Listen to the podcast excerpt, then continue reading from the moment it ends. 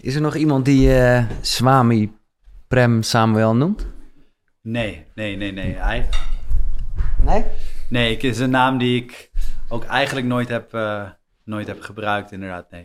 Maar ik, heb er nog wel eens, aan- ik zit er nog wel eens aan te denken, want ik breng een redelijk groot deel van mijn tijd tegenwoordig door in, in Osho-communes, in ieder geval in de winter.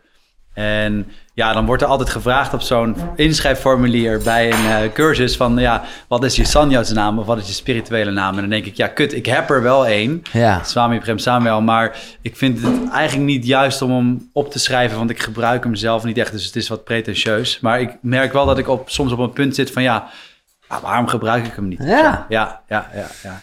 Prins van Liefde, dat betekent het.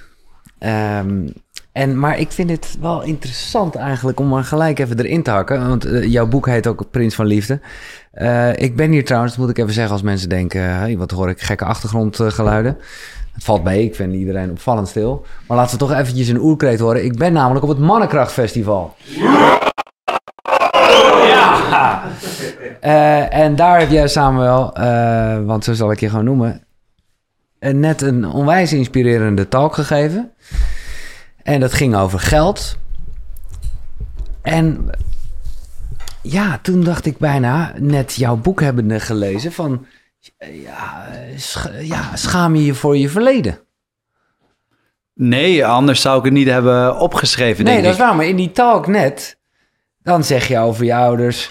En ik snap het, dat was in de context van geld. En dat ze, dan heb je het over een leraar, een maatschappelijk werkster. Dan, dan zet je zo'n een beeld neer alsof je een hele normale jeugd gehad hebt.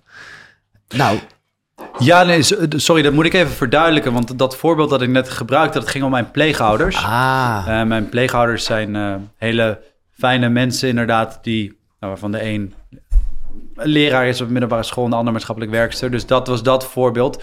Mijn eigen biologische ouders, die hebben inderdaad een veel extremer van, eh, van de pot gerukt leven eh, geleid eigenlijk. En, en dat zit allemaal in dit boek. Ja. ja. Ja, dat is fantastisch. Het is eh, drie jaar geleden verschenen, maar nog steeds verkrijgbaar.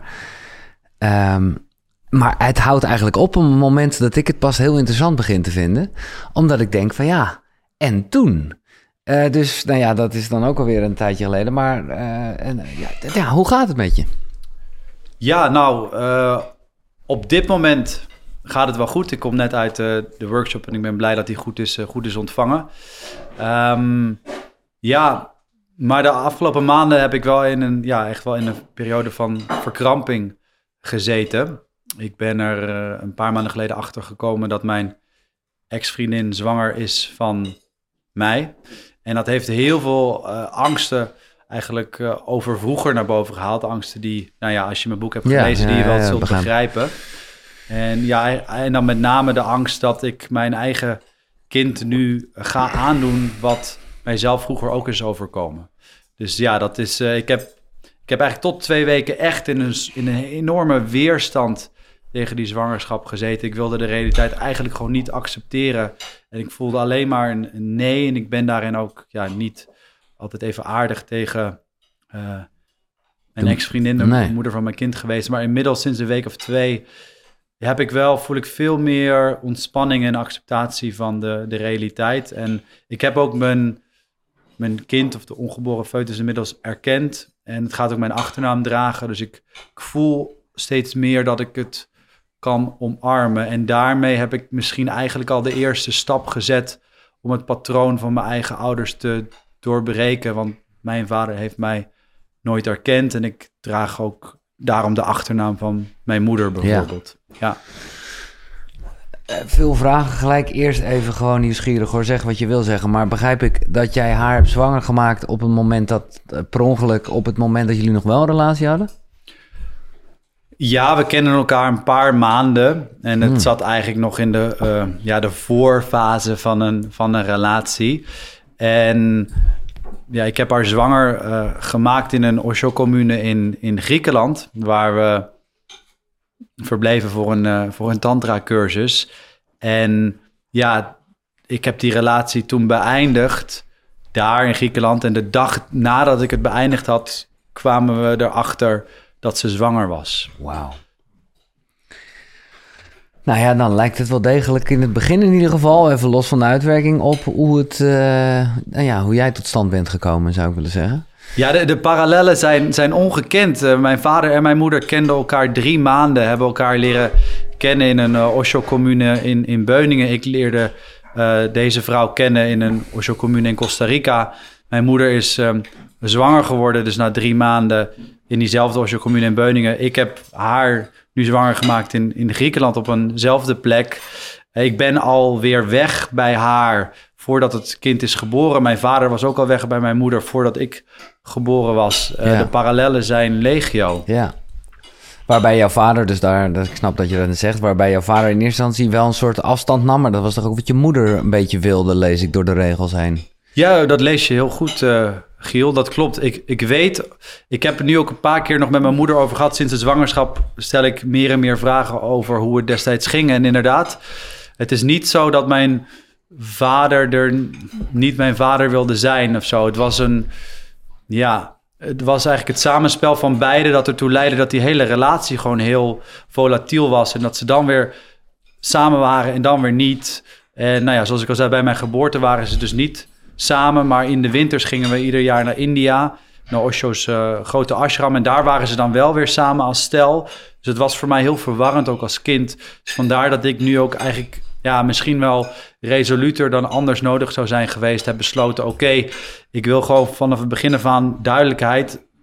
Wij zijn geen volatiel liefdestel, wij zijn gewoon co-ouders. Zoiets. Ja. En dat is wel weer een beetje harmonie zit erin, of althans, dat zal de tijd leren. Maar... Inmiddels wel, nee. Sinds een week of twee of zo ervaar ik echt wel veel uh, ja, liefde en harmonie. Ook wel met, uh, met haar. Ze, ja, ze, ze komt uit, uh, uit New York. Ze is nu nog, nu nog bij me. Morgen moet ik haar naar het vliegveld brengen en vliegt ze weer terug. Maar het gaat eigenlijk sinds een week of twee gaat het wel weer goed tussen ons. Waarbij ik nog steeds niet denk dat er een echte liefdesrelatie in zit, maar wel dat we op een fijne, liefdevolle manier met elkaar kunnen omgaan en ouders ja. zijn van dit kind. Nou, dat is mooi, ja, er is een connectie natuurlijk. Nou ja, de Prins van Liefde, deel 2, of hoe je het boek ook gaat noemen. Het, uh, je bent het aan het schrijven natuurlijk, eigenlijk. Koning, koning van Liefde. Koning wordt, van wordt Liefde, het, uh, Wordt het vervolg, ja. ja. Um, oh man, wat een verhaal. Want wat kan jij je nog herinneren van... Blijkbaar heb je er wel een soort... Ja, heb je er wel een soort aantrekkingskracht uh, toegevoeld. Hè, omdat je nu zelf ook naar al die, uh, nou ja, noem je dat dan ook sanjassins? Of nou in ieder geval bij de Osho uh, uh, ja, blijft contact hebben. Want dat is dus wat het boek niet vermeldt, om eerlijk te zijn. Dat klopt. Nee, ik, het boek eindigt bij het overlijden van mijn vader, inmiddels acht jaar geleden. En op dat moment was ik een hele... Ja, was ik advocaat op de Zuidas. Heel erg rationeel, analytisch, wars van alles exact. wat met spiritualiteit te maken uh, heeft. Ik herinner me ook nog dat ik mijn vader spullen bij het oud vuil heb, heb gezet nadat hij overleed. En daar zat ook een, een soort levensgrote uh, poster van, van Osho bij. Wat ik nu heel erg jammer vind, want die had ik op zich graag zelf in mijn kamer uh, opgehangen. Ja, ik was er toen wars van. En in die periode na het overlijden van mijn vader ben ik eigenlijk ja, heel langzaam eerst via normale reguliere therapie. Waar ben ik terechtgekomen bij de meer spirituele kant en dus ook bij, bij Osho. Ja. En daar, ja, daar haal ik heel veel, daar haal ik wel heel veel uit. Dus het heeft een enorme transformatie voor me in gang oh, gezet. Ja. Want uh, jij vond ook in je vader spullen een 2000 pagina's tellend, ja, je noemde het ergens een hersenspinsel. Aha, ja, nee, ik heb zijn, uh, het zijn memoires eigenlijk. Oké. Okay. Um, 2000 pagina's inderdaad. Memoires die hij heeft geschreven vanaf 1991, toen hij in de, de, gevangenis zat, tot aan zijn overlijden eigenlijk in 2014. Dus ja, het gaat over een hele grote periode, ook in, ook in mijn leven. En ik vond het heel interessant om dat te lezen. Mijn vader is, um, ja, hij is uh, psychiater geweest en daarna heroïneverslaafd geworden. En daar heeft hij ook allemaal over geschreven. Dus het zijn niet memoires over ja, ik deed vandaag boodschappen nee, bij, de, bij de melk uh, en de melk was zuur of iets dergelijks. Het zijn echt hele diepe, diepe stukken. Ja, daar herken ik ook veel van mezelf uh, Maar kan in. je iets, want uh, ja, kan, schiet er iets in je te binnen wat je daar las waarvan je dacht, damn, ik lijk toch echt wel op. Ja, nou, dat is heel simpel. Dat, uh, daar begint eigenlijk mijn boek bij. Dat is een brief die hij heeft geschreven aan zijn eigen moeder op uh, 2 mei 1989. Dat is, nou, toen was ik vier jaar oud zelf. En schreef hij aan zijn, zijn moeder. Ik heb 44 jaar van mijn leven rondgelopen, voor zover ik nog lopen kon, met een enorme depressie waarvan de onderliggende wonden nu pas aan de oppervlakte komen. De pijn en het verdriet en machteloze woede en ook het besef dat het zo is, komen nu eigenlijk eindelijk boven water. Het kerngevoel is dat er nooit iemand voor me is geweest die in me, geïnteresseerd was, van me heeft gehouden zoals ik ben. Mijn seksualiteit is een grote wond. Als ik een vrouw echt aantrekkelijk vind, dan komt er woede omhoog met daaronder heel veel pijn en verlamming. Nou ja, toen ik dit las, dacht ik, wow, wacht eens even, deze brief had ik zelf gisteren kunnen schrijven of zo. En dat heeft gewoon mijn eigen vader 35 jaar geleden opgeschreven. Ja, dat was voor mij eigenlijk de start van die hele zoektocht. Daarom Mhm. ben ik in therapie gegaan, daarom ben ik dit boek gaan schrijven. En daarom ben ik ook in, in Pune bij Osho uiteindelijk weer terechtgekomen als onderdeel van het schrijven van het boek. En wat, eh, wat spreek je er dan in aan? Want het was, ik vind het heel mooi en het is eigenlijk ook heel veel respect voor je echte ouders. Maar, nou, laat ik het zo zeggen, het was bijna logischer geweest als je het had verafschuwd. Eh, vanuit, godsamme, eh, mijn moeder is er psychotisch door geworden en mijn vader is er door aan de heroïne gegaan. Ja, dat, dat klopt. Ik, dat begrijp ik. En daarom heb ik me er natuurlijk ook heel lang tegen afgezet. Juist, juist om die reden. Maar ehm, het zit denk ik precies andersom. Die... Mijn vader en moeder die waren hoe dan ook daarin terecht Ja, ja, gekomen. dit was voor hun juist, dit, dit, dit, dit heeft ze nog lang een beter leven gegeven totdat dat een beetje uit elkaar klapt. Ja, en, en in het geval van mijn vader zelf, dat zit later in dezezelfde brief, dat hij eigenlijk op 2 mei 89, dat hij eindelijk in Pune aan zichzelf kan werken en zijn diepste wonden naar boven komen en dat hij eigenlijk bezig is met heling. En op dat moment ehm, doet, doet mijn moeder een zelfmoordpoging en dwingt ze mijn vader om uit India terug te komen naar Nederland om de zorg voor mij over te nemen. Dus mijn vader heeft zijn eigen helingsproces nooit, eigenlijk nooit kunnen starten en in ieder geval nooit kunnen afmaken. En ik heb zelf dus ja, gedacht en ook ervaren van ja, ik wil voordat er ooit een kind van mij op aarde komt, dit dacht ik al vijf jaar geleden, ik wil eerst zorgen dat ik echt helemaal, voor zover dat kan, geheeld ben. En ik ga wel dat proces afmaken wat mijn vader nooit heeft kunnen doen. Dus daar ligt wel echt de sleutel. En dat, heeft, dat hebben mijn ouders natuurlijk ergens gezien. Maar ja, die zijn door, door de omstandigheden of door hun eigen verwarring... hebben ze er nooit echt in door kunnen zetten. En dat is wel wat, wat, ik, wat ik wil, ja. Heb je wel eens eh familieopstellingachtig iets gedaan? Haha, nou, ehm, ik heb mijn aangemeld voor de eerste workshop... en dat begint 5, 6 november volgens mij. Oké, dit- eh, dat gaat eraan komen. Dat gaat eraan komen, ja. Ja, dus dat wordt mijn eerste. Dus ik ben heel benieuwd. Ik hoorde, ik hoorde hele bijzondere verhalen over. Ja, ik, ik, ik ken natuurlijk, denk ik wel... in ieder geval vanuit dit onderzoek en zo... en Mhm. dit boek schrijven... denk ik dat ik al wel ergens cognitief... de, de, de, de patronen of, of opstelling me, voor kan stellen. Maar ik ben heel benieuwd wat daar eh, energetisch of intuïtief naar boven komt... bij de representanten. Ja, nou ja, precies. En zeker omdat, eh, vandaar een beetje mijn verwarring, dat toen je het net in een heel andere setting, snap ik ook, maar toen we het over je ouders hadden, het dus over je pleegouders had, eh, waarbij, nou ja, dat, ja, dat is gewoon de harde realiteit van de familieopstellingen, eh, die geen enkele, nou, of nauwelijks een rol hebben, laat ik het zo zeggen.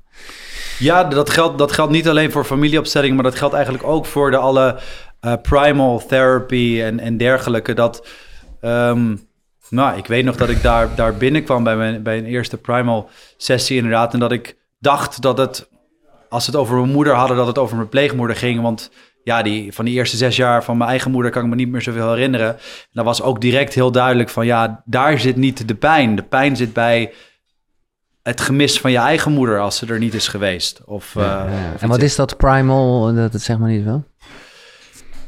Ja, oeh, een goede vraag. Ik weet niet eens hoe ik dat moet, hoe ik dat moet uitleggen. Ja, dat is een. ehm, en, en inmiddels ook wel wat, wat achterhaalde of bekritiseerde theorie, maar die, die is verder, verder uitgebouwd. eh, Die er denk ik op gestoeld is dat alle problemen, verkrampingen die je in het dagelijks leven in het hier en nu tegenkomt, dat die eigenlijk te maken hebben met vroeger en een reflectie zijn van vroeger. Emoties die vroeger niet geuit konden worden omdat ze levensbedreigend waren, vaak richting de eigen ouders. En dat je daar naartoe terug moet en dat nu in je volwassen lichaam eigenlijk allemaal naar buiten moet eh, laten komen. En dan zou er ontspanning en verlichting Hmm. ontstaan. En, en hebben we het dan nu alleen over het verleden als het gaat om je eigen leven? Of heeft het ook te maken met voorouders en eh, dat? Dat heeft, dit specifiek heeft alleen met je eigen leven ja. te maken. Maar ik, eh, ja, ik vind het ook heel interessant. En dat is met familieopstellingen denk ik ook het geval om, om te kijken naar Wat er verder, wat er ja. verder, verder in die lijn, in die ancestrale lijn speelt. Ik begreep dat ondanks het feit dat jij het eh, op een hele mooie plek ergens eh Filipijnen schreef, dat het alles behalve een fijne tijd is geweest om eh, nou ja, dit hele verhaal ja, op te rakelen eigenlijk. Het zal therapeutisch gezien goed zijn geweest, maar het is wel... Ja, hoe heb je dat, hoe heb je dat gedaan? Want het lijkt, ik vind het zo knap, omdat het echt, het is, het is als een film lees je het, waardoor je denkt, ja, je, dat je het allemaal nog zo goed kan herinneren. Ja, ik, Er zal een beetje dichterlijke vrijheid misschien in hebben gezeten, maar Ja, maar wel, maar wel weinig inderdaad. Ik heb iets, iets van dichterlijke vrijheid eh, genomen om, om her en der wat, wat, wat sfeerimpressies en zo, zo aan te vullen. En ik, ik heb wel eens wat dingen die op verschillende dagen hebben plaatsgevonden in één hoofdstuk gegooid of zo. En gedaan alsof het op één dag heeft, heeft plaatsgevonden. Maar ja, ik heb voor dit boek, ik wist natuurlijk ik wist alles wel nog wat er was gebeurd vroeger, maar ik heb het nooit achter elkaar gezet. En hoe meer je het achter elkaar gaat zetten, ook hoe meer er weer komt leven. Je geheugen is natuurlijk heel erg associatief. En ik ben voor dit boek ook, heb ik heel veel mensen geïnterviewd van vroeger. Bij mijn eigen vader had ik geïnterviewd nog voor zijn overlijden. Maar ik, ja, ik heb ook heel veel mensen die vroeger voor me gezorgd hebben uit die communes en zo gesproken. Dus zo is alles weer naar boven gekomen. En ja, de Filipijnen, dat was een, ja, het was, een, eh, het was geen pretje voor me. Ik denk dat dat inderdaad tweeledig is. Het was heel goed voor het schrijven van het boek, omdat het ook over eenzaamheid gaat. En als je heel erg eenzaam voelt, dan is het ook makkelijker om over eenzaamheid te schrijven. Maar achteraf denk ik dat er op in de Filipijnen eigenlijk wel een soort ja, latente depressie of zo in me naar boven is, is gekomen. Ehm, dat daar in één keer had ik geen afleiding meer en ja, kwamen er al die gevoelens van eenzaamheid en angsten kwamen naar boven. En dat heb ik eigenlijk heel erg weggedrukt door echt manisch te schrijven. Gewoon iedere dag van zonsopkomst tot zonsondergang. En daarna met een, ehm een melatoninetje maar naar bed om acht uur Ja, s avonds ja, en weer de volgende dag weer verder schrijven. wauw. Ja, En heb je het de jaren daarvoor min of meer ook onderdrukt door gewoon de snelle jongen te zijn, eh advocaatshuitas, eh bla bla bla. Ja, ja, eh, vooral eigenlijk met gewoon zoveel mogelijk druk bezig zijn Ja. met, met dingen. Gewoon de hele tijd maar, maar gaan, gaan, gaan, gaan. Dan heb je eigenlijk geen tijd om Nee. stil te staan en het op je af te Maar laten het klinkt nu alsof dat een bewuste keuze was, maar waarschijnlijk eh, was je op of, of wist je het op dat moment. Nee, dit was, dit Ja. was volstrekt onbewust. Het was Ja. heel grappig, want ik had me zelfs voorgenomen, eh, eh, bedacht eigenlijk, voorgesteld...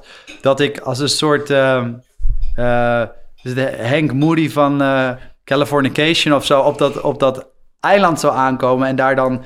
Ik zou dan...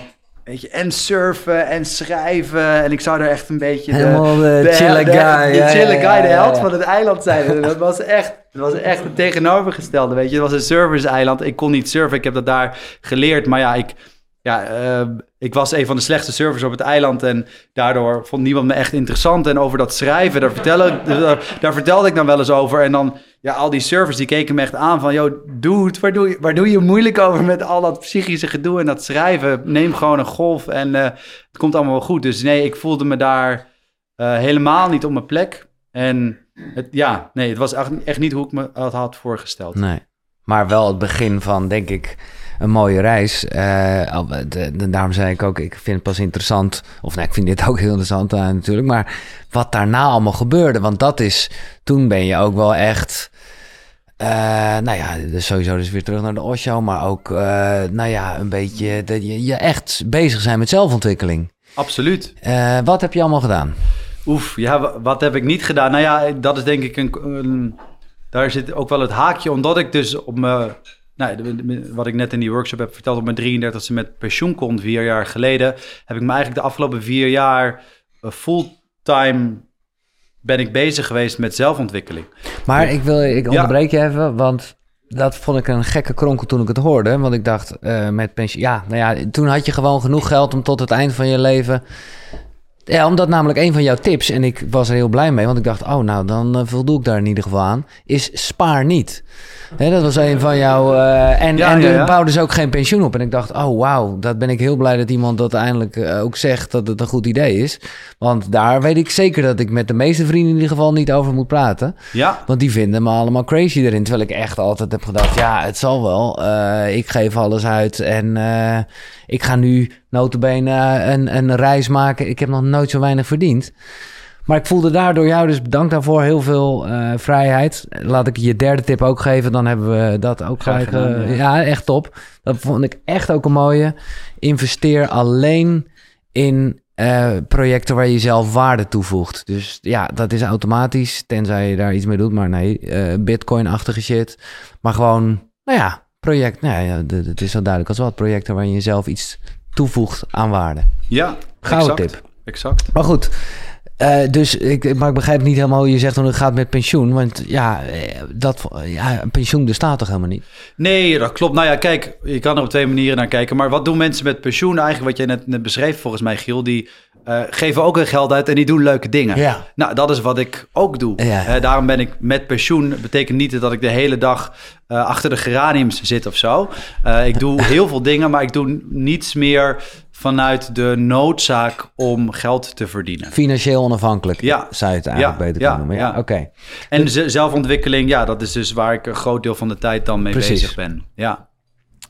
Ja, nog even, ik zet ze op een rijtje voor je. eh, en, en, en vul aan, want het is jouw wijsheid, Samuel. Die drie tips voor, voor nou ja, financieel onafhankelijk worden, laat ik het zo maar zeggen. Investeer dus in dingen waar je waarde eh, aan toevoegt. Ja, investeer alleen in dingen waar je waarde aan toevoegt. Ja. Ja, Eh, spaar niet. En was die andere investeren in jezelf? Ja. l- eh, leen geld. Ja, en investeer leen het in je ja. geld. Ja, ja, leen geld, Leen ja. natuurlijk alleen geld als je, het- als, je, als je het zelf niet hebt. Of als je het zelf hebt liggen, dan kan je ook dat investeren in jezelf. Maar anders, schroom niet om een lening te nemen. Want met een lening neem je eigenlijk een, ja, een voorschot op je waarde in de toekomst. En er is, als je in je vertrouwen hebt in jezelf, dan kan je al een stukje van die waarde gewoon hup, nu in het heden naar je toe trekken. In deze podcast komt hè, manifesteren vaak eh, naar voren. En eigenlijk zeg jij, een lening moet je zien als een manifestatie. Een soort geloof in jezelf. Ja, je de- het, het, helpt. Het, het helpt je, een steuntje in de rug om nu al te kunnen manifesteren. Ja. Of zo, ja. Ja, ja. Oké, maar eh, daar waren we. Dat deed je op je 33ste. En toen, da- toen, toen ging je ja, nog meer met jezelf bezig. Of misschien pas wel echt met jezelf bezig. Ja, misschien ook wel te veel met mezelf bezig. Ja, dat, eh, Ja, dat wat, wat, wat, wat, wat ging je allemaal doen? Nou ja, ik ben eh, dus maanden naar, ehm, naar India geweest. In, eh, in, in Osho's ashram in Pune. Dat bestaat nog steeds. En daar dus, ja, ehm, primal therapy gedaan. Veel lichaamsgerichte therapieën. Ik ben heel veel tantra cursussen gaan doen op verschillende plekken in de wereld. Maar wacht even, dit gaat Ja. allemaal te snel. Dit is precies wat ik allemaal wil weten. Eh, want hoe werd je daar ontvangen? Want eh, jij was er notabene bij. Je zal eh, een kind zijn geweest toen Osho overleed en daar verbrand werd. En, Ja. ergens, ik weet niet of je dat gedeeld hebt. Maar ik kan me toch ook voorstellen dat toen je daar jaren later kwam... dat ze toch dacht- dachten, hey shit, hè?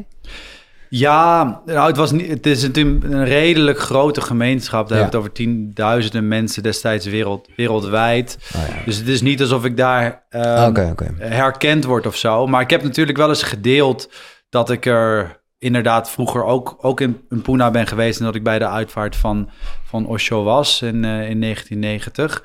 En ja, dat, dat vinden mensen wel, wel bijzonder om te horen.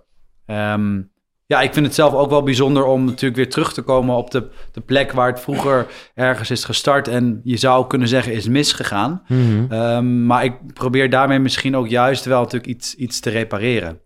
Door er voor, voor mezelf wel iets heel moois en positiefs uit, te uit te halen. En Ja. wat? Want ik heb daar echt geen beeld bij en het is allemaal een beetje bevlekt. Maar ik weet wel dat het een, een andere tijdspanne was. Maar door bijvoorbeeld zo'n Netflix-achtige documentaire en zo. Wat, wat, hoe moet ik het zien? Hoe ziet een dag daar eruit als je daar toch echt wel weer wat maanden geweest bent? Ja, het is inmiddels echt een, een soort meditatiecentrum eh, geworden. Dus het is geen ashram meer waar mensen echt wonen. Ehm, dus een, de, de laatste jaren breng ik in de winterstijd door in, in Pachamama in Costa Rica. Dat is wel echt een commune waar mensen, mensen wonen. Dus daar kom ik al de afgelopen vier jaar. Maar het schema in Puna ziet er gewoon zo uit. Zes uur 's ochtends is een dynamic meditatie.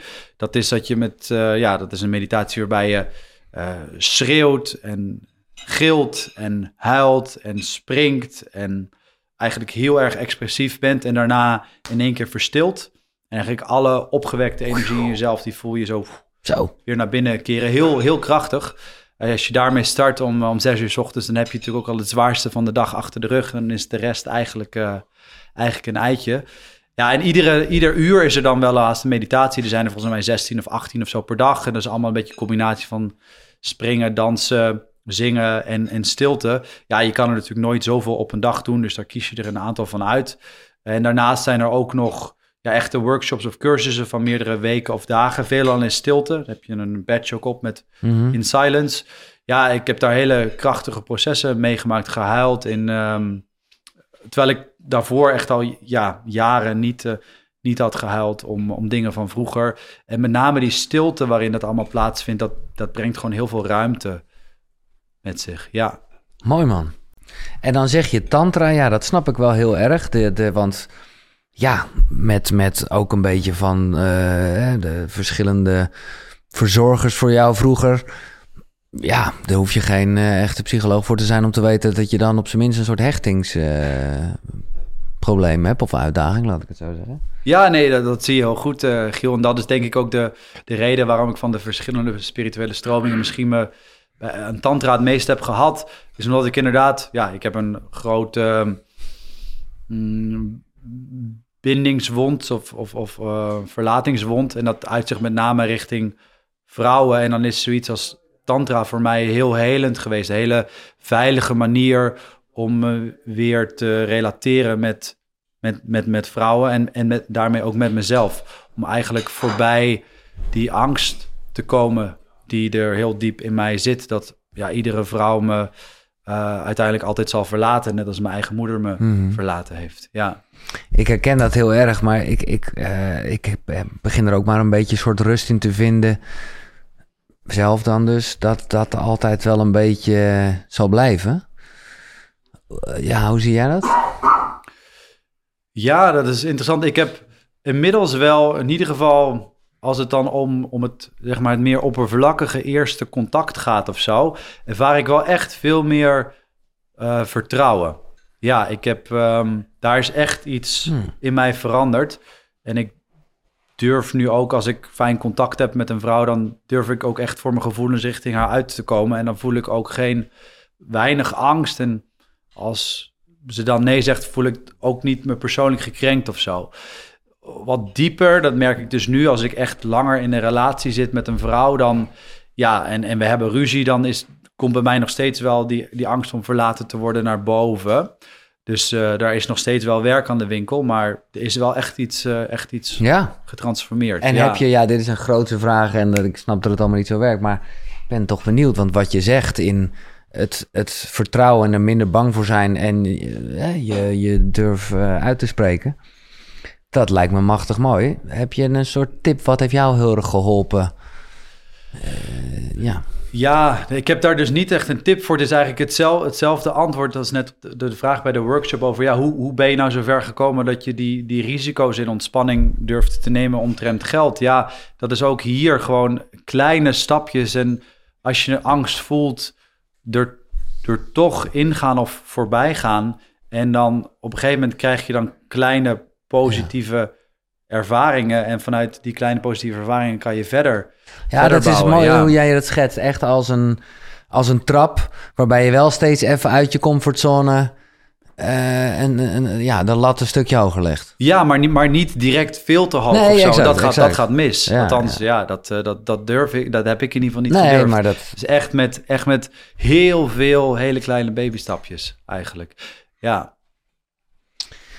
Dus even, ik wil niet te veel over het boek focussen, ook omdat het relatief oud is. Maar nogmaals, ik raad het aan. Eh, en dat is gewoon nog te, verkrijgen. Maar de, de, de, Riep, eh, ja, ik heb hem eh, gewoon recent gelezen, omdat ik wist dat ik jou hier ging spreken. En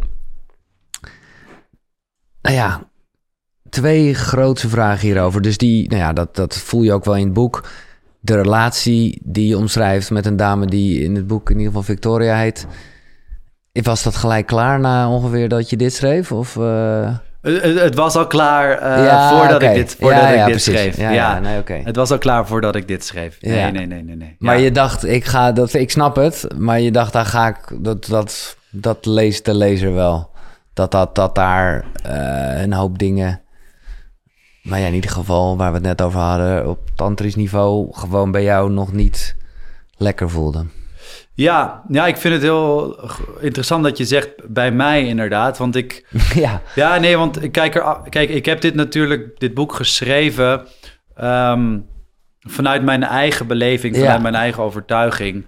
En ik heb me in, in die relatie, en dat is echt al acht jaar geleden, maar daar gaat, die speelt inderdaad een, een rol in het boek, heb ik me heel erg, ehm, voelde ik me heel snel afgewezen en, en niet geliefd door haar. En zo is het dus ook opgeschreven dat, de, nou, ik denk dat de lezer dat ook zal, zal ervaren als je het leest.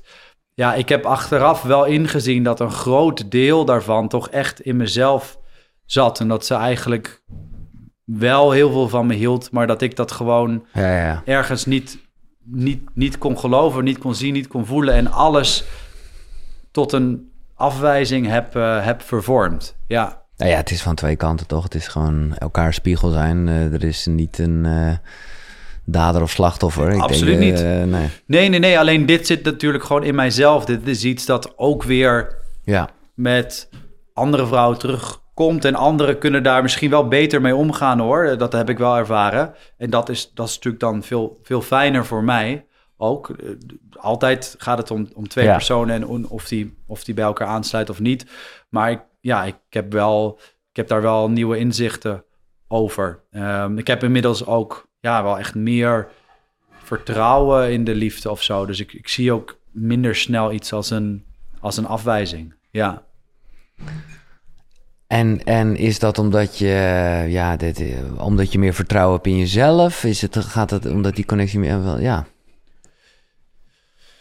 Ja, ik denk dat dat inderdaad komt door ja, de, toch het, de zelfontwikkeling die ik heb gedaan, waarbij eigenlijk natuurlijk centraal staat de, de relatie met jezelf. Hè? Heel veel externe, waar, je, waar ik vroeger dan externe validatie voor nodig had om dat uit mezelf te halen. Ja, en ten dele toch ook al wat ik net eerder deelde, die, die hele kleine Die stapjes, stapjes, ja. en, en daar steeds verder in gaan en ook gewoon meer positieve ervaringen dat vlak te hebben opgebouwd. Ja.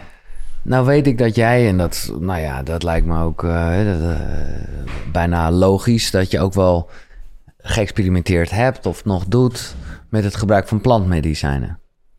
Ja, dat ben ik ook eh, ben ik heel voorzichtig mee begonnen. Ehm, ik denk pas twee, drie jaar geleden. Omdat mijn ouders, beide ouders, schizofrenie, psychoses hebben gehad. Bij mijn vader is dat ook door, door LSD-experimenten in de jaren zeventig gestart. Dus ja, ik was heel erg bang voor eh psychedelica en plantmedicijnen. Dus ik heb dat ook twee, drie jaar geleden pas voor het eerst genomen. Nadat ik echt voelde van wauw, ik zit op een punt, ik kan dit gewoon aan. En ik ben dit gaan doen op een plek waar ik me heel veilig voelde in Costa Rica, bij die commune Pachamama, waar ik iedere winter kom, waar ik de mensen ken en waar ze dit al twintig jaar doen. En de, de kinderen zijn daarbij en het is een grote groep van 100 man. Het voelde voor mij gewoon heel veilig en ja, er kwamen heel veel angsten naar boven bij me de eerste keer. Maar het zal, het zal bij, bij velen zo zijn. Ik dacht dat ik gek werd. Maar ik, omdat ik me in zo'n veilige plek voelde, ben ik er wel ja, relatief ongeschonden doorheen gekomen. Ja, ja.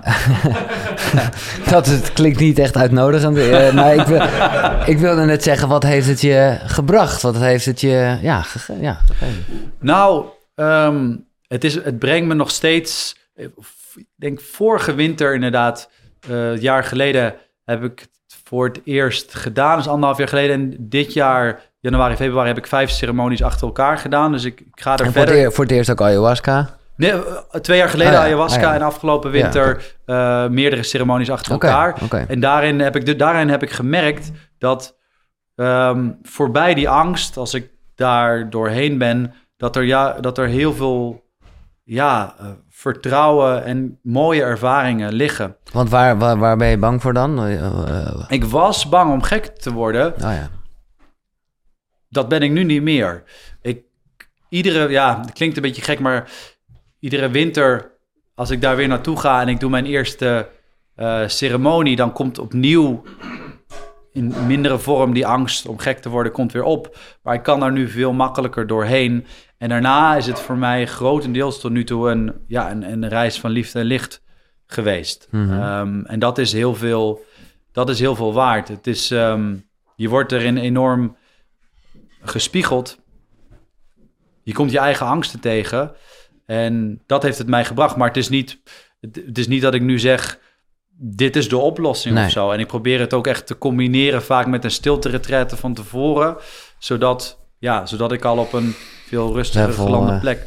Nou ja, dit is, kijk, dit is het eigenlijk. Sorry, ik leg het niet goed uit. Ik ben op zoek naar vertrouwen en overgave. Dat is eigenlijk een, ook de kern van wat ik net vertelde, denk ik, in mijn eh, financiële overvloed workshop. En die overgave, die en dat vertrouwen, dat merk ik met plantmedicijnen dat ik dat ervaar. Als ik door de angst heen ben, dan kom ik echt in een soort ontspanning terecht, waarbij er niets of niemand meer nodig is.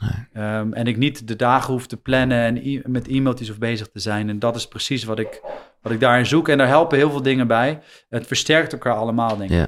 Ja. En, en de grap is dus, of nee, wat de grap is, maar het bijzondere vind ik wel, is dat je wat jij daar met geld, ja, uh, van nature en al vrij vroeg dus in je leven hebt bereikt, dat is eigenlijk wat jij nu in liefde graag zou willen. Ja, dat lijkt me heel mooi om daar echt, uh, als, ik, als ik diezelfde overgave of zo en dat vertrouwen daar zou voelen, ja, dat lijkt Ja. me echt fantastisch. Ik Ja. weet niet of dat ooit gaat lukken. Nee, ik weet ook niet, want ik zit te denken, kijk, de term financieel onafhankelijk, nou ja, dat weten we allemaal wat bedoelt, maar ja, liefde onafhankelijk, dat is dus juist precies wat niet kan, wat je ook niet zou moeten willen, want dat is toch ook, nou ja, maar de, de overgave, eh, de, ja, wel abundance, natuurlijk wel. Ja, nou, en ook, ook denk dat je het in de liefde ook heel erg... uh, als je gewoon liefde kunt geven in vertrouwen dat het op een of andere manier wel, wel terugkomt of zo. Hè? Dat, dat het Ah. niet direct terugbetaald hoeft te worden of iets dergelijks. Dat lijkt me heel veel ontspanningen opleveren. Ja, ja, ja, ja. Ja, nee, het is zelfs zo nu met... Ja, de- met, met je, je geeft geld aan iemand of je leent geld aan iemand uit en het komt niet terug. En dan, dan kan je er heel veel verkramping over voelen. Maar ik, ik, ik voel dan van nou, dat komt vast dan wel op een andere manier bij me terug. Als je dat in de liefde ook zou kunnen Ja. ervaren. Zo van nou, ik vind jou heel erg leuk, maar jij mij niet. Maar dat geeft niet, want ja, iemand anders gaat me wel leuk vinden of zo. Ja. Het gaat erom wat ik, wat ik jou kan Oh, geven. mooi, hoor. het is eigenlijk best wel hetzelfde, ja. ja, dat lijkt me heel. Ja, Ja. ik heb het idee dat het hetzelfde is. En eh, ja, misschien dat ik een keer met een, eh, een liefdesexpert die heel veel verkramping voelt over geld of zo, dat ik Ja, een mooie uitwisseling zou kunnen, ja, ja, kunnen doen. Ja. Ja, ik stelde die vraag even over, over eh, plantmedicijnen en zo, omdat dat is een beetje mijn angst. Of, of eh, nou ja, ik vond het zo mooi wat je, wat je zei over die traptredetjes, dit, dat de lat steeds een stukje hoger leggen. En ja, ik heb maar één keer dat gedaan met ayahuasca, hoor, maar en ik vond het heel fijn. Maar tegelijkertijd eh, denk ik ook van ja, het is niet, dan, dan, dan je voelt iets, hè, onder invloed van zou je kunnen zeggen. Je voelt wel, dit is er gewoon echt en, en, en dit is mijn essentie, mijn waarheid en alles is één. Maar het is niet een klein stapje, zou ik maar zeggen, want het is gelijk ongeveer eh, een paar treden te hoog.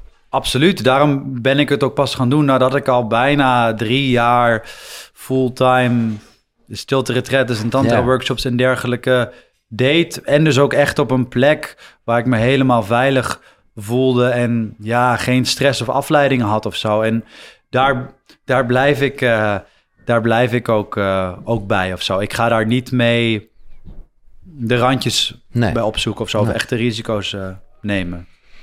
En los van het feit dat je nu, uh, nou ja, in ieder geval een goede vader wil zijn, wat, wat, wat, uh, ja, heb, jij, heb je ambities, doelen? Uh, ja, het klinkt, ja, ja, dat is wel echt mijn vraag.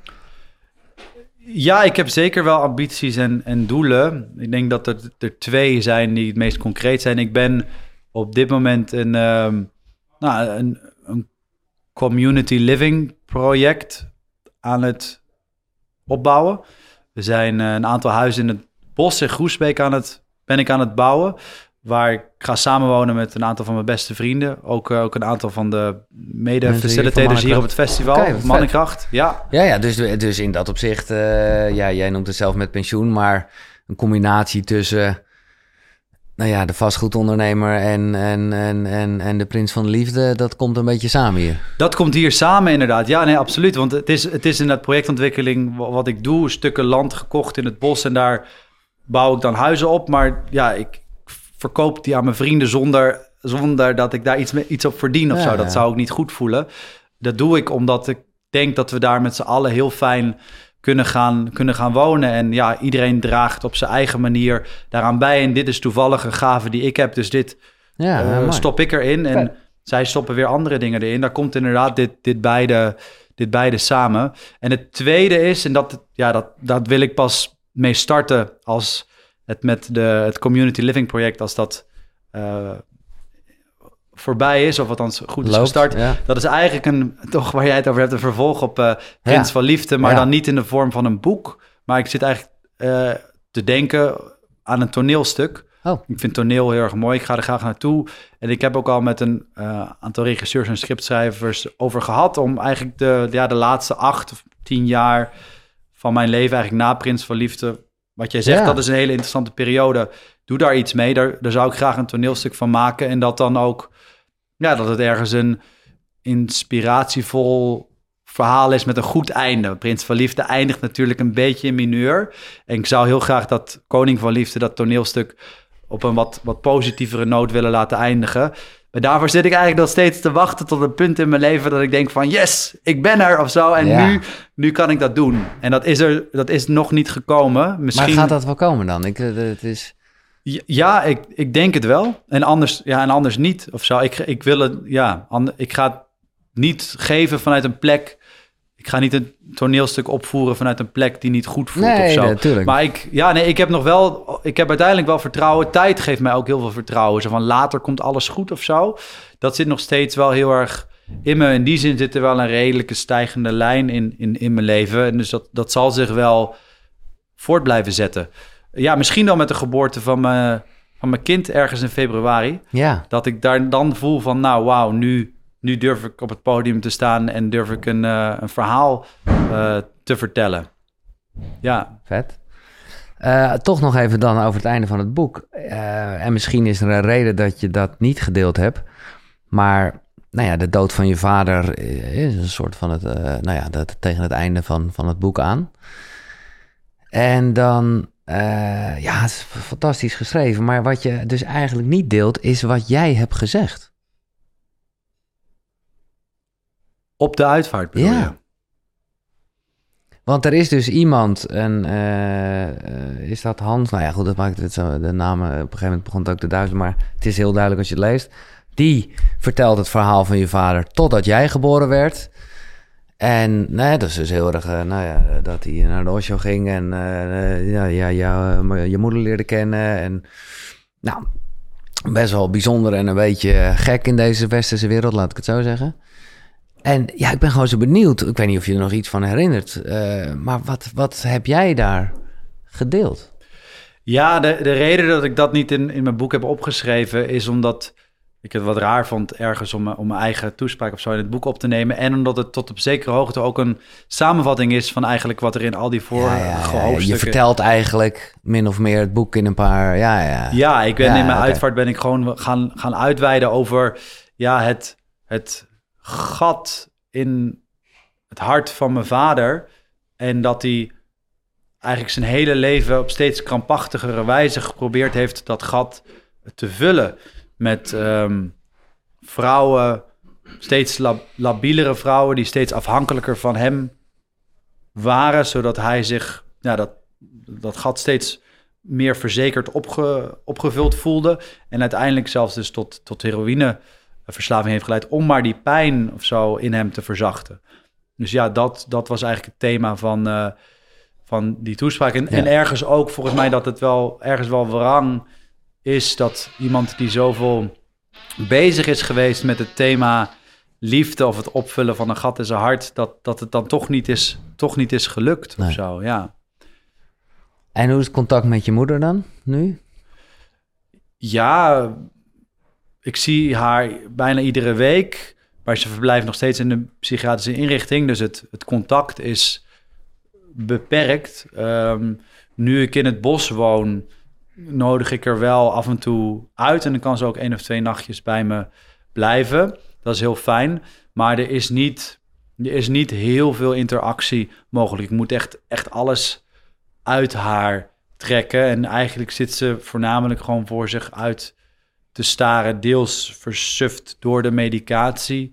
En deels um, Jezus, man. ook gewoon wat ze in haar hoofd. Dat is trouwens nog een derde, derde idee of project dat ik voor me zie. Dat is wat lastig uit te leggen misschien. Maar er speelt bij mij ook echt de gedachte om een om mijn moeder te redden. Of althans om iets anders voor haar aan te bieden dan de reguliere psychiatrie. Om haar dus eigenlijk uit de psychiatrie te halen. Uh, misschien nou ja, in het bos bij mij uh, te laten wonen. In ons community living project. In een, in een eigen huisje. En voorzichtig met haar als ze van de medicatie af is. Te kijken of ze met yoga, meditatie, ja. psilocybine, ja. ayahuasca... Ja.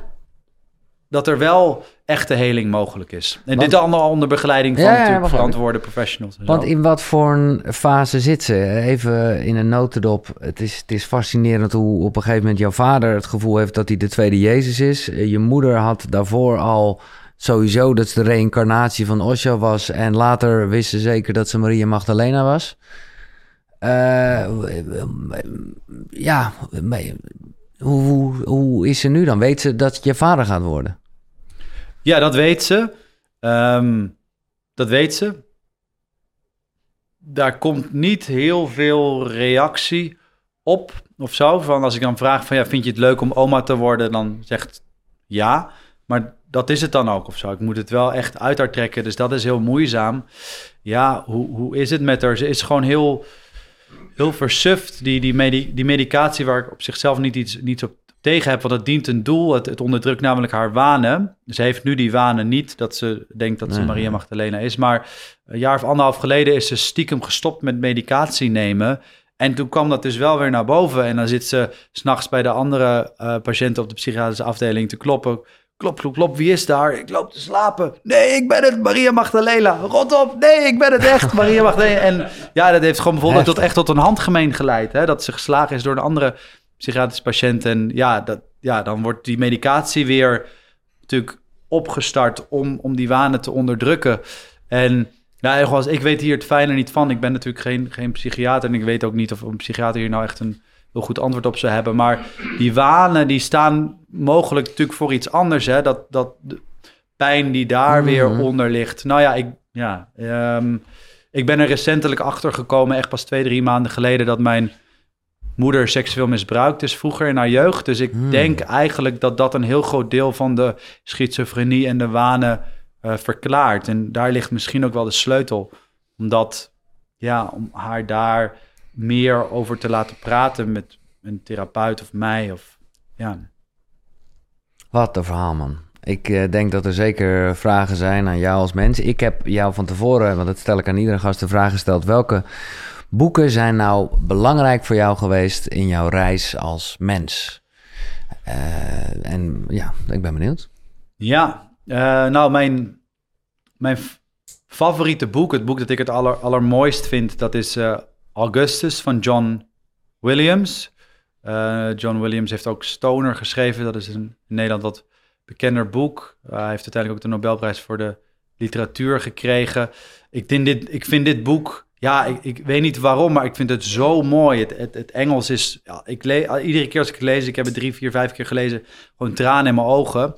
Het eerste deel van het boek gaat over de verovering van uh, het Romeinse Rijk door keizer Augustus, een briefroman. En dan het tweede deel gaat over, over de, de dochter van keizer Augustus die verbannen is. En dat, dat is een heel, heel emotioneel stuk, wat dan weer heel erg in contrast is met het, het eerste over veldslagen en dergelijke. En beide is gewoon, raakt me heel erg diep. tweede boek maar, is... Maar nee, nee, nee, sorry. want, ja. want, waarom, uh, waarom raakt dat zo bij jou? Waarom heeft dit boek jou uh, ja, echt iets gegeven? Je, ja. je noemt het niet omdat het toevallig even een mooi geschreven boek is. Er zit wel, tenminste, dat hoop ik, dat denk ik ook te horen en te zien. Er zit wel een soort waarde achter van wow je gaat niet, ja, dan ga je, als je het zelf nog een paar keer gelezen hebt. Wat, wat, ja. Ja, ik denk dat uiteindelijk die, toch die twee verschillende thema's of zo, dat, dat heel liefde, wat in het tweede deel van, van die briefroman heel erg naar voren komt, en ergens die, ja, die, die vrijheid of die doelgerichtheid in dat eerste deel over alle, alle, alle veroveringen van, van Augustus, uh, dat, dat die bij elkaar, dat dat heel inspiratievol voor me is. Maar het is vooral echt de taal van de woorden. Zo, ik krijg echt tranen in mijn ogen uh, erbij als ik het lees. Het is zo, zo mooi geschreven. Dat zeg, ik niet, dat zeg ik niet vaak of zo, maar dat heb ik hier, dat heb ik hier wel. Ja. Duidelijk. Ja.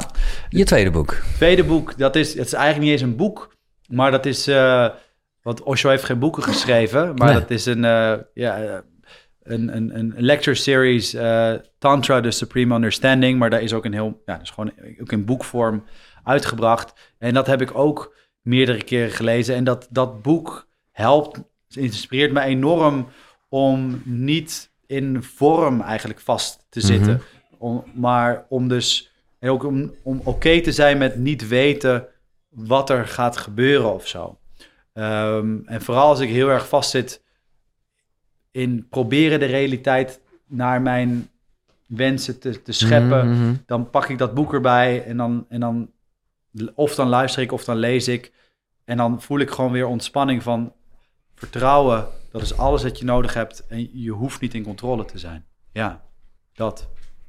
En is het een beetje leesbaar of is het echt vaag? Uh... Nee, het is heel. Het is, dit, is, dit is zijn mooiste lecture series, zou ik zeggen. Dus als je een boek wil lezen, lees dan deze. Het eerste hoofdstuk uh, is wat taai, daarna is het echt heel mooi. ja, ja, ja, ja, ja. En heb je een derde boek? Want je zei van tevoren, ik weet niet of ik er drie heb.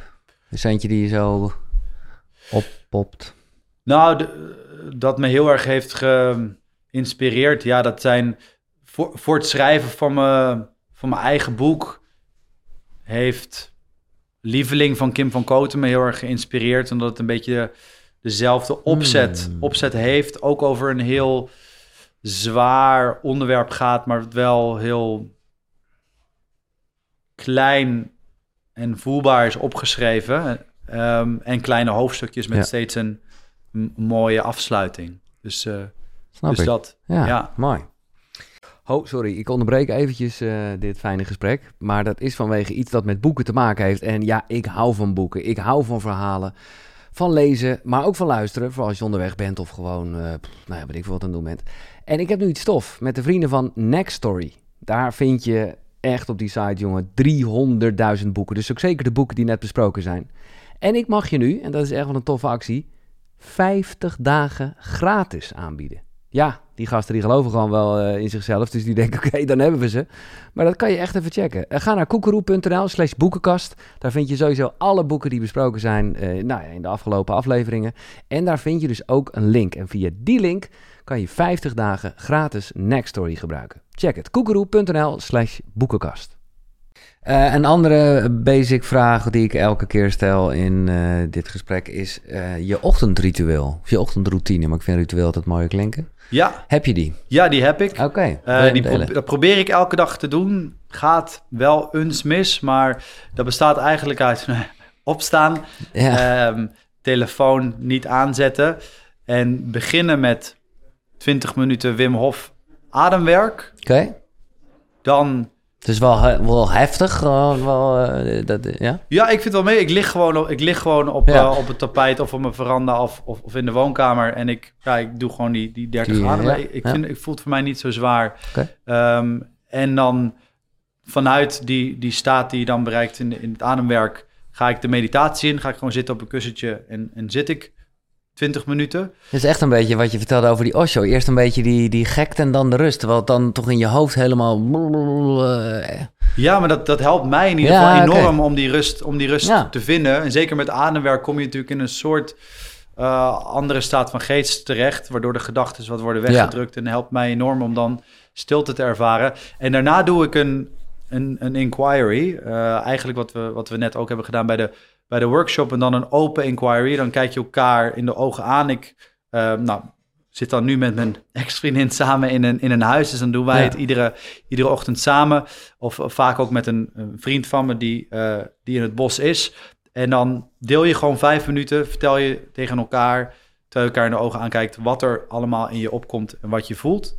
Zo open, ja, ja. Dus Zo- geen, geen vraag, maar gewoon leeglopen even. Gewoon leeglopen, Ja. inderdaad. Eh, Maar hoe moeilijk vind jij het? Want ik, eh, ik heb die oefening ook gedaan met iemand. Ik vond het heel fijn. Ik heb mezelf echt dingen horen zeggen die ik eh, nou, niet wist dat ik ze zo vond. Maar ik merkte wel, hij was als eerste. En ik dacht gewoon de hele tijd, dat had jij gezegd, niet knikken en niet... Maar ja, het is toch gewoon... Ja, ik merkte dat ik dat heel moeilijk vond. Omdat je gewoon toch... Ja, een soort ja, ma- maatschappelijk aanvaard. Nee, het is gewoon... Je wil het gewoon doen als mens. Omdat je... Ja, Natuurlijk, dat, dat is heel begrijpelijk. Alleen ik denk dat je, misschien heb je het zelf ervaren toen jij deelde, dat als iemand dan knikt of, of nee schudt of, of iets dergelijks, dat het, het, het doet iets met je Ik eigen... ging, hem, ik, ik ging hem gewoon niet zo goed aankijken. Aha, kijk. Ja, Ja, dat is wel waar, ja. ja. Dus als je het een paar keer hebt gedaan, dan kom je er zelf achter van... hé, hey, het is voor de ander die, die deelt echt heel fijn... als die gewoon vrij kan delen en, en niet afgeleid wordt... Of, of, of met mijn reactie bezig hoeft te zijn. Dus ik blijf gewoon, ik blijf gewoon in aandacht erbij. Ja. En hoe zie je dat? Want ergens zou je En ook... dan nog een ijsbad trouwens, sorry. oh, dan de- nog de- eh, ja, elke, elke dag ijsbad? Ja, ik heb een Lekker, ijsbad man. om, mijn- om, om mijn veranda. Gewoon een omgebouwde vriezer. Top. En eh, ja. Oké. Ja. Maar even nog over die, zo'n, eh, zo'n inquiry, wat ik echt mooi vind. Wat is daar de kracht van dat, en ik voel het hoor, maar ik ben benieuwd of jij de woorden aan kan geven, dat iemand dan luistert, eh, maar niks zegt. Dus je zou ook eh, flauw kunnen zeggen, nou ja, je kan net zo goed in je eentje onder de douche doen. Hè, want, maar ja, dat is natuurlijk niet zo. Nee, wat ik zelf ervaar is als ik iemand recht in de ogen aankijk, dat mijn gedachten verstillen. Ja, ja. Dus het helpt enorm daardoor om mm, dingen uit je onderbewuste naar boven te laten komen. En daarom, eh, ik heb het jou horen zeggen, net ook iemand anders, deel je dus dingen in zo'n inquiry waarvan je zelf eigenlijk niet eens wist Nee. dat ze in je zaten. En dat is het onderbewuste dat naar boven komt en dat omdat de gedachten verstillen en dat, en dat is omdat je elkaar in de ogen aankijkt. Als je dit in de douche doet tegen jezelf, Ah. dan gaat niet hetzelfde gebeuren. Dus je hebt daar echt een ander voor, voor nodig. Ja. Mooi. Ik ga het zeker doen. Eh, ik hoop dat mijn vriendin er ook zin in heeft. Maar eh, ja, Ja, ik denk dat ze het heel leuk, eh, heel leuk vindt, toch? Ja, je, Ja. Kan, je kan het overal over hebben. En er zijn ook allemaal dingen in haar leven die spelen. Die zijn natuurlijk ja, weer... ja. Maar het voelt een beetje gekkig om, niet, om geen conversatie te hebben. Om... Maar ik vind het super mooi. en ik ga met haar op reis. Eh, dus ja, en waar ik- ga je naartoe? dat weet ik nog niet. Eh althans, we hebben nu één dingetje va- vaststaan in ons hoofd... dat we in ieder geval Nieuw-Zeeland willen. Maar ik vond het mooi dat jij vandaag... dat was gewoon een bevestiging die ik niet echt nodig had... maar toch lekker zei van... Hè, al, hè, qua investeren, ga reizen. En Ja. eh, toen dacht ik, ja, dat is top. Maar ik was wel... Nou ja, ik heb ook wel eh, momenten gehad... dat ik het veel meer als een soort vlucht zag. Toen heb ik het ook niet gedaan. En ik las ergens dat jij had gezegd dat jij reizen zo fijn vindt... omdat je van afstand dan je eigen geluk kan bewonderen. Ja, dat is iets dat... Dat vro- vroeger, toen ik, toen ik het boek schreef, zeker wel zo was of zo. Dan ben je op een andere plek. En dan ben je even helemaal weg en dan kan je terugkijken van, oh, wat is mijn, wat kan ik mijn leven eigenlijk waarderen? Ik heb een fijn huis, ik heb fijne vrienden, Mhm. ik heb een fijne baan, ik, ik noem maar wat. Dat, soort- dat soort dingen. Eh, als je natuurlijk gewoon je leven leeft en je wordt, ja, je, je wordt daarin meegesleurd, dan kan je nog alles verzanden in mm, ver- verkramping omtrent de kleine dingen of zo die, die, die er steeds gebeuren. En als je natuurlijk weg bent, dan kan je, ja, dan kan je vanuit een wat, wat hoger perspectief naar je eigen leven terugkijken van wauw, eigenlijk heb ik het best fijn voor elkaar. En dan ga je daar weer naartoe terug. Maar denk je niet dat het een dunne lijn is? Maar nogmaals, dit is meer angst voor mezelf. Dat, ja, wanneer, wanneer je dat doet... of dat je gewoon denkt... oh, eh, ik heb gewoon niet eens een echte homebase meer. Ik ben gewoon... eh, Nou, het is precies wat je, wat je zegt, Giel. Daarom, daarom, daarom zei ik net ook van, nou, dat is hoe ik er vroeger over dacht. Ik heb de laatste jaren wel zoveel gereisd. Ik, althans, ik ben iedere winter weg geweest, waardoor ik inderdaad ook wel iets van wortels of zo ben gaan missen in Nederland. En ik ben altijd heel voorzichtig geweest om niet zo'n eeuwige reiziger te worden die altijd denkt dat het ergens anders eh, beter is of zo. Want je neemt uiteindelijk altijd Ja. jezelf mee en je moet het in jezelf zien, zien te vinden. Dus daarom ben ik nu ook juist weer, denk ik, onder andere wortels aan het schieten in Nederland met het, het opzetten van een eh, community living project hier met al mijn vrienden. ja, dat is wel echt homebase, ja. ja. En eh, jij hebt net als ik ooit een eh, predicaat ADHD of ADD, weet ik wat, opgekregen, opgespeld gekregen. Gebruik je daar nog medicijnen voor? Nee, ik denk ook dat het een misdiagnose is, is geweest. Ik heb dat één of twee jaar gehad. Mm, In een, in een periode dat eh, nou, eh, ik heel druk was op school. Gedoe met, met, met mijn moeder en Ja. een uh, voogdijprocedure. Dus dat, ik denk, ja, ehm, nee, ik Nee. denk dat wij allebei, dat het bij ons allebei een verkeerde diagnose is ik, geweest. het is maar een diagnose en een label. Ja. Ik, ik ben blij. Maar concentreren is voor ons alle, allebei volgens mij niet zo'n niet zo'n groot probleem. nou ja, nee. Soms wel, soms niet. Maar dat zegt genoeg als je het niet kan, denk ik dan ook. Ja. Eh, het motto van jou, en ik, ja, dus we zijn hier op het Mannenkracht eh, Festival, dus ik vond het wel leuk om hem zeker hier even in te gooien. Ik las dit op je Instagram hoor.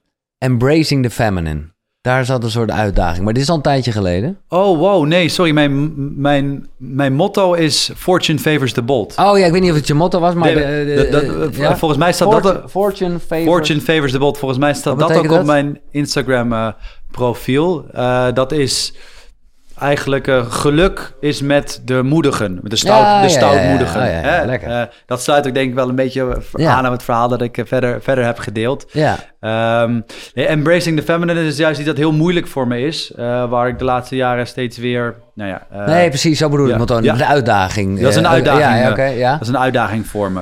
Klopt. Maar nee, ja, Fortune Favors the Bold, dat is echt mijn lijfspreuk. Dat heeft ook aan mijn muur gehangen. Dat vind, dat vind ik gewoon fantastisch. En het, ja, in het Engels, het klinkt ook gewoon... Het klinkt, het, klinkt heel lekker. Maar ja. wat is de uitdaging van Embracing the Feminine? Waarin, want je, ik bedoel... Ja, Nou, ik denk dat ik heel erg ben doorgeslagen in... mm, heel erg rationeel, heel erg analytisch, heel erg besluitvaardig willen zijn. Mm, Is dit de advocatentijd eh, waar we het over hebben? Of, eh, Ja, het is advocatentijd, maar het is ook de vastgoedontwikkelingstijd daarna geweest of zo. Dan moet je ook gewoon bam, heel... bam, ja, ja. Bam, bam, bam, bam. En ik ben daar wel wat te ver in doorgeschoten. Dus ik ben nu ah ja, al een jaar of twee of zo aan het proberen... gewoon ook echt te verzachten. En meer in contact te komen met, met mijn hart. En ook niet meer alleen maar mensen te oordelen op hoe productief ze zijn of iets dergelijks. Dus ja, ja daarin ben ik echt het, eh, ben ik aan het proberen het feminine te omarmen. Maar Ja. het is niet makkelijk. ja, maar het- ik vind het grappig dat je het zegt. Maar ik kan het alleen vanaf een afstand eh, zeggen. Maar ik denk dat er hier allemaal mannen zitten die denken... hoor daar toch eens een vent zo mooi over zijn gevoel durven te vertellen.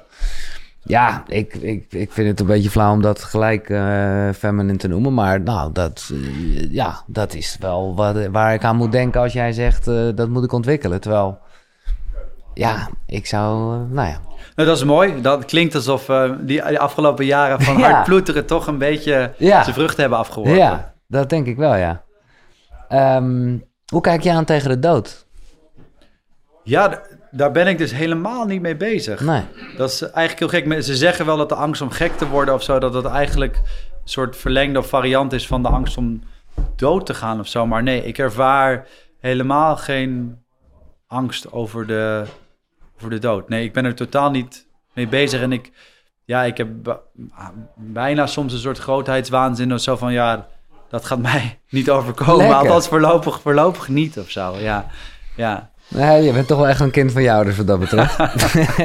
ja maar uiteindelijk zijn, zijn die ook gestorven. Althans Ja, mijn ja, vader. dat- dus, eh, ja, ja, ja, Maar dat is, nou goed, dat weet je nog niet. Maar dat, dat, ik ben benieuwd of dat nog verandert als je straks vader bent. Want dan zal je toch ook een soort meer verantwoordelijkheid... Ik, ik, ik, ik weet het niet. Ik denk wel inderdaad dat ik, ehm, dat ik meer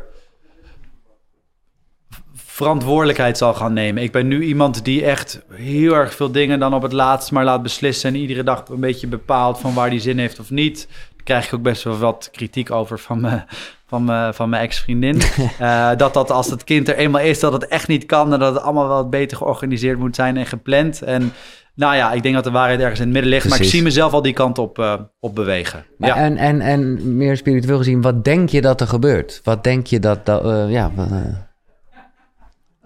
Als, als Wat- het kind geboren wordt? nee, nee, sorry, de dood. De dood. Wat, wat, wat...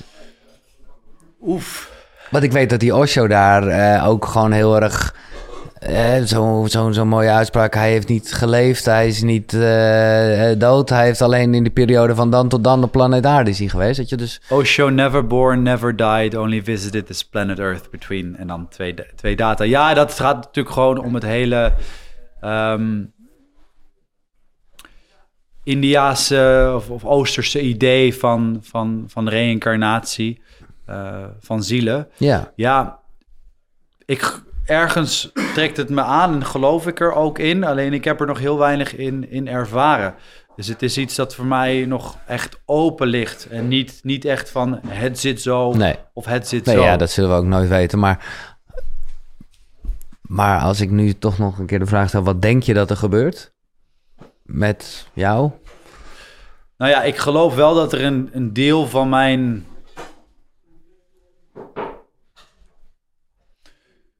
ziel of van, van mijn energie zich op een of andere manier weer in een nieuw lichaam zal gaan nestelen. Alleen hoe en Nee, wat, maar dit is, daar eh, heb ik echt geen idee, eh, geen, geen idee over. En, ja. en, en hoe... Hè, dan, dan is in ieder geval de, de vleeszak eh, Samuel Vermeulen... die is daar niet meer. ja, Hoe eh, wil je herinnerd worden? Hoe wil, hè, Samuel Vermeulen heb ik het dan over. Nou, ik, op dit moment denk ik, zou ik herinnerd willen worden als iemand die ja, een, een echte, authentieke zoeker is geweest of zo. Iemand die heel erg met zichzelf in de knoop heeft gezeten, maar niet de uitdaging uit de weg is gegaan om echt het diepste van zijn ziel te onderzoeken en vanuit daar ook ja, eh, een diamant te vinden en, en te transformeren. Ja, dat is eigenlijk eh, wat ik hoop. Dat dat mijn, hetgeen is dat ik ook mee kan geven Ja, aan, ja, ja. aan mijn, eh, mijn kind. Dat ik weer een stapje verder ben gekomen in het zoekproces dan mijn eigen, dan mijn eigen ouders. Die het ook geprobeerd hebben, maar ja, ehm, toch ergens vrij vroeg zijn gestrand. Ja. Mooi man, dankjewel voor je open eerlijkheid. Mag ik een applaus voor de prins van liefde, Samuel. Echt mooi. Ja. Poeh. Ehm, en er is nog wel een moment dat iemand een vraag mag stellen. Eh, als je een vraag hebt, loop je even daar naar eh, de microfoon. Ik ben Ivar. Ik weet het, ik heb met Ivar heb ik eh, dus het, eh, de inquiry gedaan. Ah, wat mooi. Ik ken Ivar toevallig ook. Dus, Oh, eh, echt? Iedereen kent elkaar hier. Eh, Samuel, dankjewel voor je, voor je openheid en eerlijkheid. Ehm, ik kwam wat later binnen, dus ehm, ik weet niet of, of je het wel verteld hebt, maar ik was toch gewoon heel erg benieuwd van, weet je wat er met je vader gebeurd is, waardoor hij zo gewond is geraakt? Ja, daar heb ik het antwoord denk ik wel op. In ieder geval het antwoord dat hij zelf denkt dat het is. En dat is dat mijn oma, zijn moeder, ongewenst zwanger is, is geraakt ehm, in, de, nou, in, de, in, in de hongerwinter. En daarmee haar eigen ambities heeft moeten opgeven als, als vrouw. En het hem altijd kwalijk heeft genomen dat hij haar ja, levensplan heeft doorkruist. Dat is. ehm, of, of dat echt zo is, weet ik natuurlijk niet. Maar dat is in ieder geval wat ik, eh, wat ik van hem heb begrepen. En ja, ik kan, ik kan me dat ook voorstellen. Dat als dat zo is, hè, dat je op aarde komt met een moeder die je niet, eigenlijk niet echt welkom heet. ehm, dat dat, nou, dat heb ik zelf wel gemerkt. Dat, dat heeft je hele leven lang heeft dat, eh, gevolgen. Ja, Dank je. ja. Mooie vraag.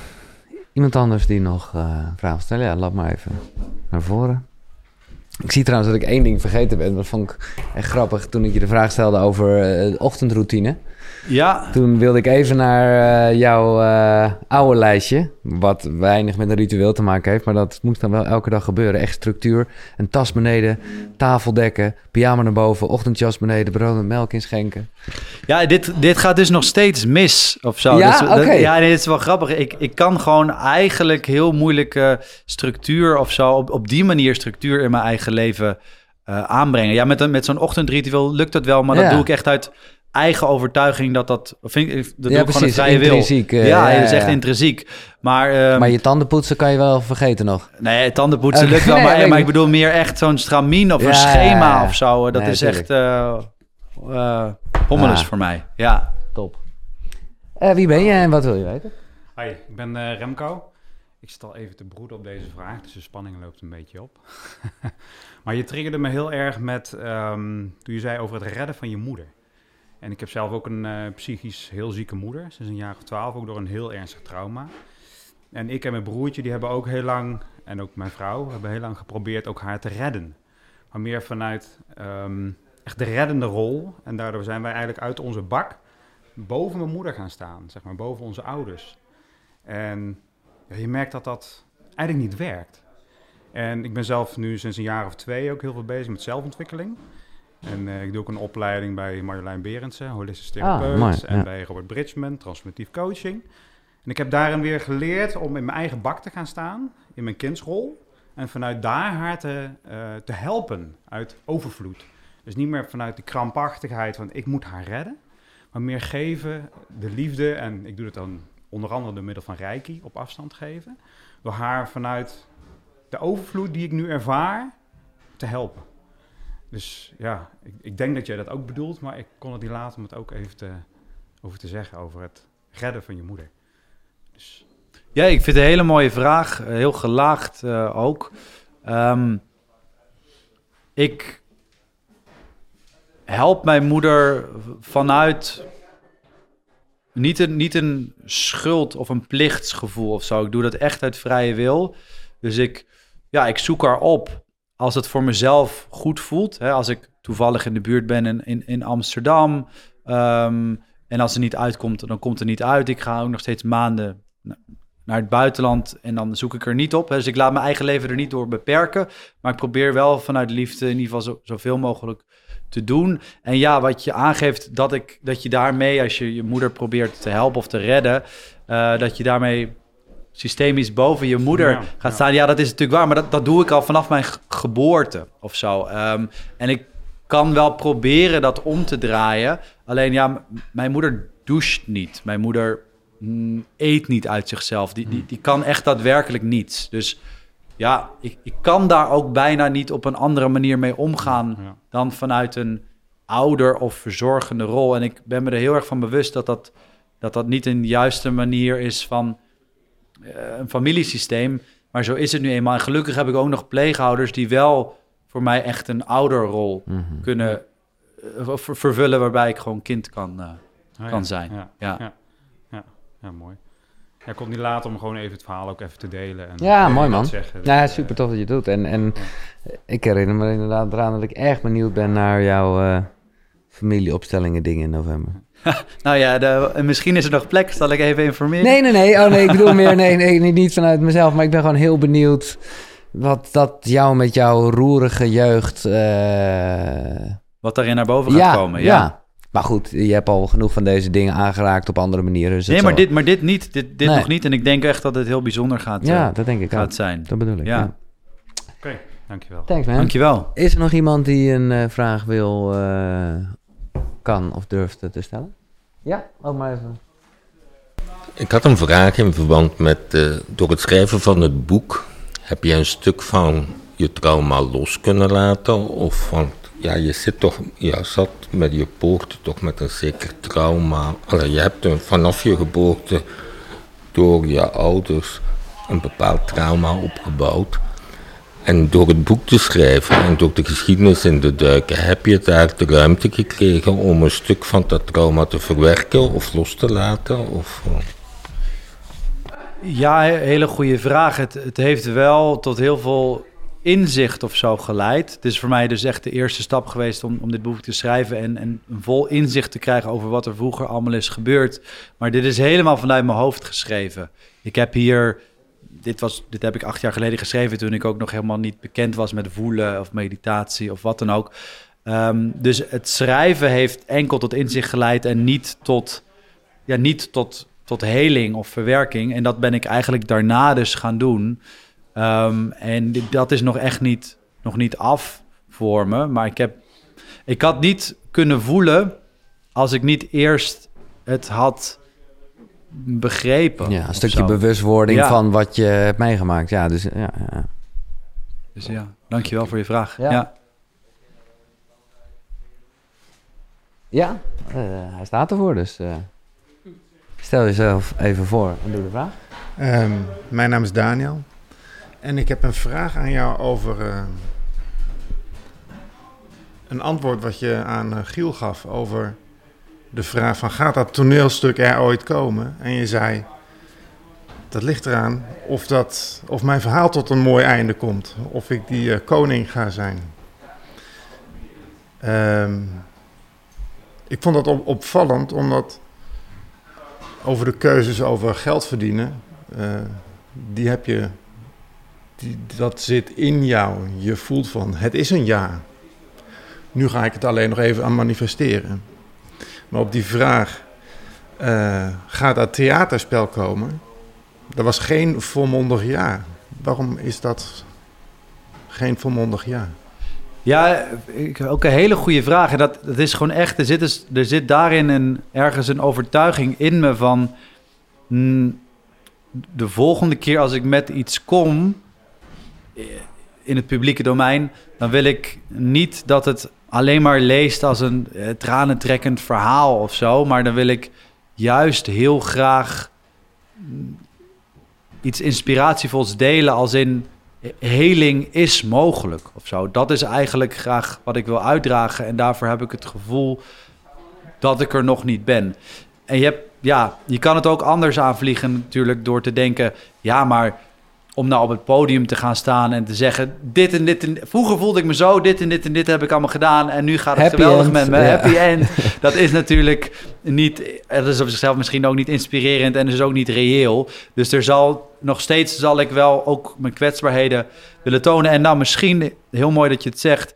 Misschien dat deze workshop vandaag op het festival, waar ik ook tegenaan heb gehikt, dat dit wel echt de eerste stap voor mij is van ja, zie je ook in kwetsbaarheid, ook als je nog tegen dingen aanloopt, dan mag je dat ook inbrengen. Ben je het waard om, om dat te delen? En dan is het misschien wel nog um, tot de verbeelding sprekender of, of meer inspiratievol. Dus absoluut. Ja, dankjewel. Dankjewel. Ja, ja, absoluut.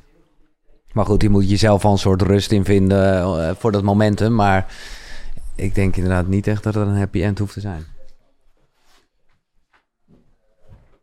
Ja, ik wil daar wel even op aanhaken. Uh, want je noemde het, ik wil die heling een stuk af hebben voordat ik dat uh, in dat toneelstuk kan verwerken. Je noemde ook, ik zou liever nog verder geheeld willen worden voordat ik vader zou worden. Nou, dat, uh, gefeliciteerd, je wordt toch vader. ja, ja, ja, ja, ja. En, Dankjewel. En ja, je, je, je, die heling is toch nooit af. Dus, of uh, je bent al heel. Dat vind, en ik, altijd, ja, dat, dat vind ik een mooiere uh, ja, maar... Ook mooi gezegd. Uh, en, maar dat, dat groeiproces, dat, daar, daar kan je de spiegeling van je kind natuurlijk ook juist enorm in, in steunen. En je sprak ook een verlangen uit om een liefde te voelen die onvoorwaardelijk is en die niet per se waar je in investeert en die, dat komt later of niet of wel terug. Nou, gefeliciteerd, je wordt vader. Ja, nee, dankjewel, dankjewel. Ja, er zitten, er zitten, heel, veel, er zitten heel veel waarheden in. Ik, ik kan daar eigenlijk niets aan toevoegen. En ik ga, ik ga mijn best ook echt doen om dit... ehm, ik voel ook dat ik dit kan ge- gebruiken als onderdeel van het, het, het helingsproces. Ehm, en ja, en nu is die urgentie ook nog, Ja, nog sterker geworden of zo. Ja, dus het heeft allemaal weer zo moeten zijn. Lekker man. ja, Het, heeft, het heeft allemaal zo moeten zijn. Zo, daar geloof ik inmiddels eh, inderdaad ook in. Ook dat dit zo heeft moeten zijn. Ja. ja. ja. Nou, mooi dat je merkt het hier op Mannenkracht Festival. Eigenlijk allemaal coaches van elkaar en iedereen met goede adviezen. Ik vind het top. Eh, nogmaals, dank Samuel Vermeulen. Eh, jij bedankt voor het kijken en het luisteren. Ik ben benieuwd wat je hiervan vond. Hele andere energie, ook omdat het met publiek was, maar ook man onder elkaar en een, en een waanzinnig verhaal. Nogmaals, eh, dit is gewoon verkrijgbaar. We kunnen niet wachten op het eh, vervolg. Linkjes van de boeken die Samuel genoemd hebt, vind je natuurlijk in de beschrijving en op koekeroe.nl slash Samuel. Dit was Koekeroe, tot de volgende zonnegroet. Hoi.